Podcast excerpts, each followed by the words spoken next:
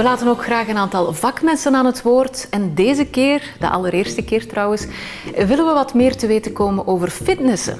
Hier bij mij zit Valerie van Move to Happiness in Nijlen.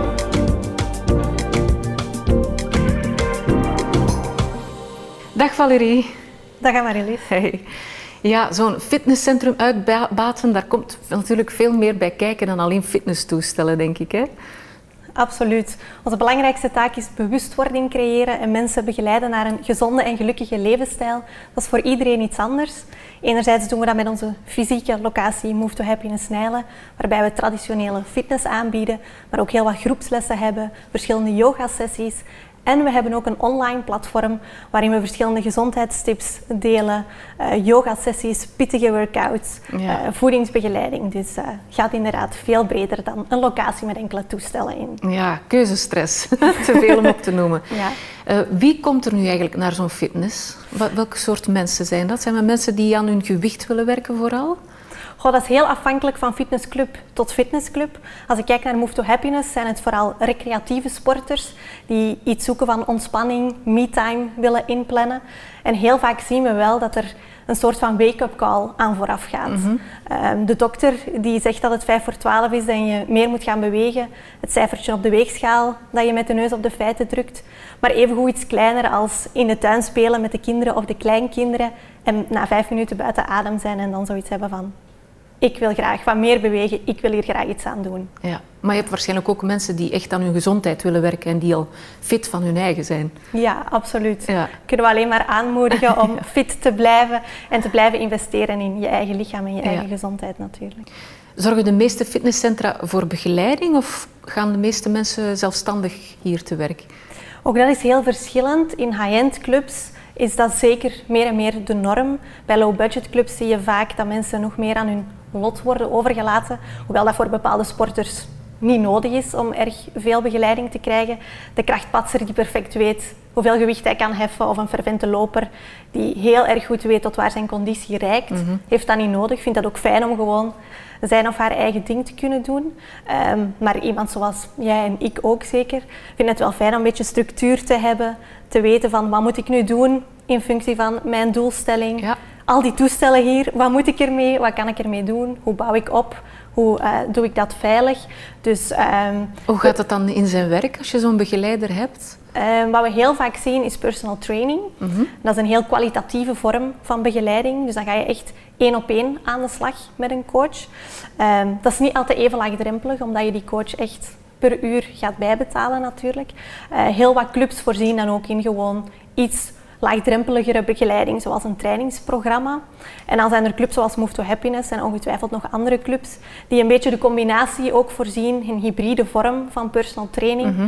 waardoor je eigenlijk samen met de coach een programma op maat maakt. Je gaat kijken, wat is mijn doelstelling, waar wil ik naartoe, wat vormt misschien een drempel, zodat we kunnen zorgen dat je het volhoudt mm en echt uh, kan doorzetten. We overlopen alles samen, we zorgen dat de techniek goed zit. En dan ga je eigenlijk gedurende een aantal weken zelfstandig aan de slag met dat programma. Ja. Um, ik zeg wel zelfstandig, maar er is altijd een coach voor advies die alles in de gaten houdt of alles veilig verloopt natuurlijk. Dus je wordt niet mhm. helemaal aan je lot overgelaten. En na een aantal weken bekijken we samen de vorderingen. Wat ging er goed, wat ging er minder goed? Hoe bouwen we op? Ja, dat is ook een stimulans. Fine-tunen we, voilà. Ja, dat je ziet, uh, ik kan me voorstellen dat jullie als fitnesscentrum een preventieve rol hebben qua gezondheid. Absoluut. Dat is echt uh, iets dat heel belangrijk is. Die verantwoordelijkheid dragen we allemaal. Uh, bij Move to Happiness hebben we een kinesist die niet enkel de behandelingen voorziet, mm maar ook begeleiding doet, waardoor we eigenlijk het medische en het sportieve connecteren. Daarnaast is natuurlijk fitness een heel laagdrempelige sport in die zin dat iedereen hier aan de slag kan, zijn eigen ding kan doen op eigen tempo. Geen competitie, geen spelletjes. Je doet het echt enkel voor jezelf en met jezelf. En dat maakt dat fitness zich natuurlijk heel erg leent tot sport, sport op vlak van preventie. Ja, je hebt er al een paar opgesomd, maar wat zijn nu eigenlijk de, de voordelen van fitness? Uh, de voordelen van fitness of van beweging in het algemeen, want uh, het gaat zoals je zelf aan het begin zei veel verder mhm. dan enkel fitness, is denk ik vooral dat je als mens uh, of als persoon sterker staat, fitter bent, gezonder, optimistischer zelfs. Het doet echt wel wat als je in beweging bent en ja, je vitaal voelt. Ik denk dat COVID dat ook nog eens heeft getoond hoe belangrijk dat is om bij tegenslagen mentaal en fysiek sterk te staan. Ja, en om die coronakilo's eraf te krijgen, dat is ook een stimulans Absoluut, absoluut. Ja. ja, je zei het daar juist al, mensen komen hier uh, vaak op aanraden van een sportarts. Uh, zijn er ook mensen die echt volledig uit eigen initiatief komen?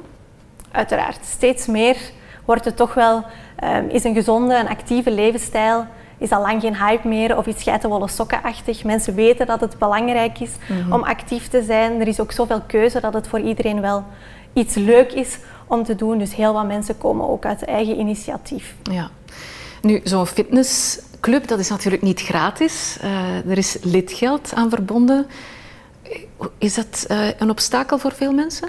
Ik denk het lidgeld op zich, dat dat al lang geen obstakel meer vormt. Dat mensen ook wel weten dat dat erbij hoort. Wat vaak wel een obstakel vormt, is langdurige contracten. Dat je echt voor een jaar, voor anderhalf jaar je ergens moet aansluiten.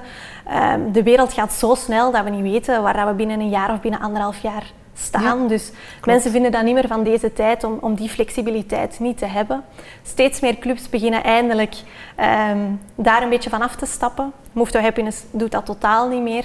Dus al onze abonnementen zijn steeds opzegbaar. En we werken ook met happy coins, waardoor mensen eigenlijk per keer kunnen betalen.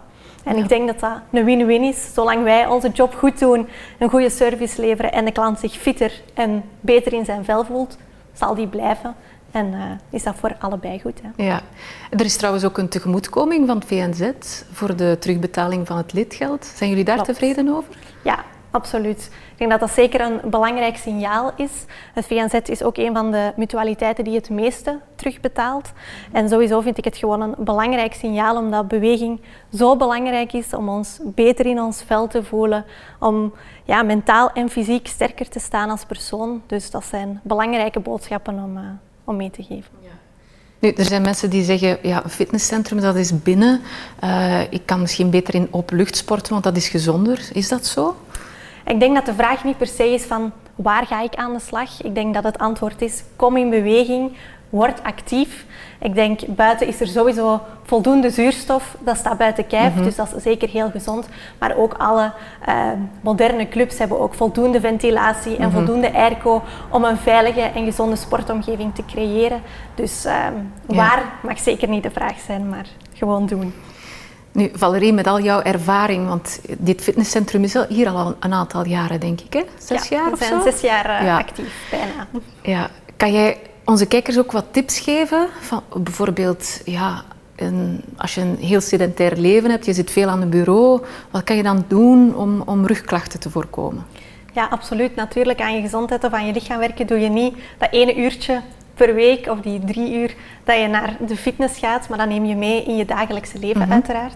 Heel belangrijk om voor rug gewoon al op je houdingen te letten. Te zorgen dat je niet de typische voorovergebogen houding hebt. Uh, van constant op de computer te zitten. Dus heel belangrijk om daar bewust en actief naar te kijken. Ik zal mij al een beetje rechter zetten. voilà. En uh, daarnaast ook heel belangrijk om in beweging te blijven. Gedurende de dag af en toe recht te staan om een koffietje te gaan halen, de printer wat verder te zetten, dat je een keer wat extra beweging mhm. kan, uh, kan inplannen. Um, wij bijvoorbeeld bij Move to Happiness hebben op ons online platform ook beweegtussendoortjes. Dat is maar 10 minuten. Je hebt daar geen sportkleren voor nodig, maar dat maakt wel dat je je spieren, je gewrichten, je fascia's, zoals ze dat zeggen, even kan losschudden um, om weer nadien gezond verder, uh, verder te ja. werken. Dan krijg je ook al meer energie en, Absoluut. en ja, de focus erop voel je alles weer stromen en terug focus. Ja af en toe naar buiten gaan, zuurstof opdoen, ook heel belangrijk. Ja, want dat is eigenlijk jullie taak ook. Hè? Mensen gewoon te motiveren om te bewegen, niet alleen hier in het fitnesscentrum, maar dat je ze ook begeleidt buiten en tijdens het werk waarschijnlijk ook. Absoluut, dat ze dat echt een houvast hebben om mee te nemen gedurende hun volledige dag, zodat ze daar ehm, niet constant bewust van zijn, maar dat dat eigenlijk iets onbewust wordt waar je constant uh, rekening mee houdt. Geven jullie ook uh, constant online lessen of kunnen mensen zich nog altijd inschrijven daarvoor?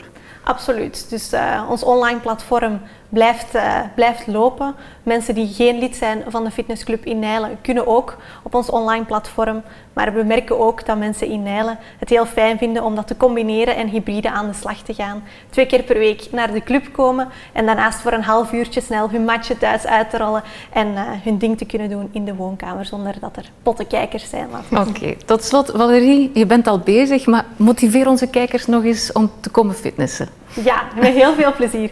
Ik denk uh, sowieso, sport, fitness maakt ons als persoon gezond, gelukkig, optimistisch, sterker. Ik denk ook dat, uh, zoals ik gezegd heb, COVID heeft laten zien dat het belangrijk is om tegenslagen aan te kunnen, fysiek en mentaal. Dat maakt ons als maatschappij weerbaarder, kunnen we meer aan. Dus uh, ik denk dat het ontzettend belangrijk is om in beweging te komen. Maar laat dit geen pleidooi zijn voor fitnessclubs, gewoon voor beweging in het algemeen. Of je dat nu thuis voor je tv doet, met je app, in een club, of dat je buiten gaat wandelen of fietsen in het park. Allemaal prima, maar just move.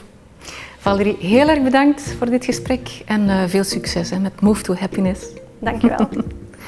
En wij gaan deze podcast afsluiten. Het is onze allereerste keer, maar uh, neem zeker en vast nog eens een kijkje bij onze andere podcasts, want er zijn heel veel verschillende preventiemaatregelen. Tot de volgende keer.